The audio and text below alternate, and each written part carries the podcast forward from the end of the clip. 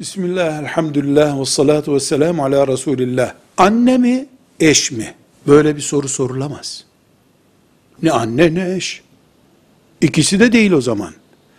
Çünkü bize Rabbimiz kul olarak imtihan edeceğim sizi ne dediyse bir yerde biz onu becereceğiz. Eşlerimize karşı imtihan ettiğini söylüyor. Eş hakkını yerine getireceğiz.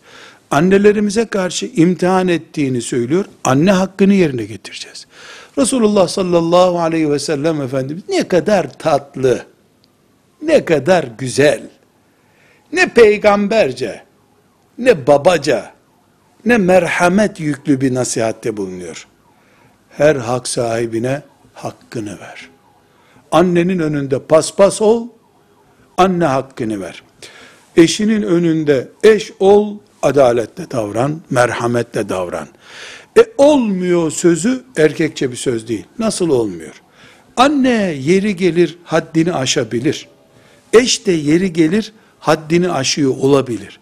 Buna rağmen erkeğin vazifesi adaleti, hakkaniyeti sağlamaktır. Yüzde yüz üçüncü kişilerin, dördüncü kişilerin de evet iyi yapıyorsun dediği bir ortamda, mümin, adil bir insan sen iyi yaptın dediği bir ortamda anneye düşen hizmet yapıldıysa, eşe düşen hizmet yapıldıysa itiraz eden edebildiği kadar etsin. Kimsenin rızasını yüzde yüz kazanmak mümkün değil.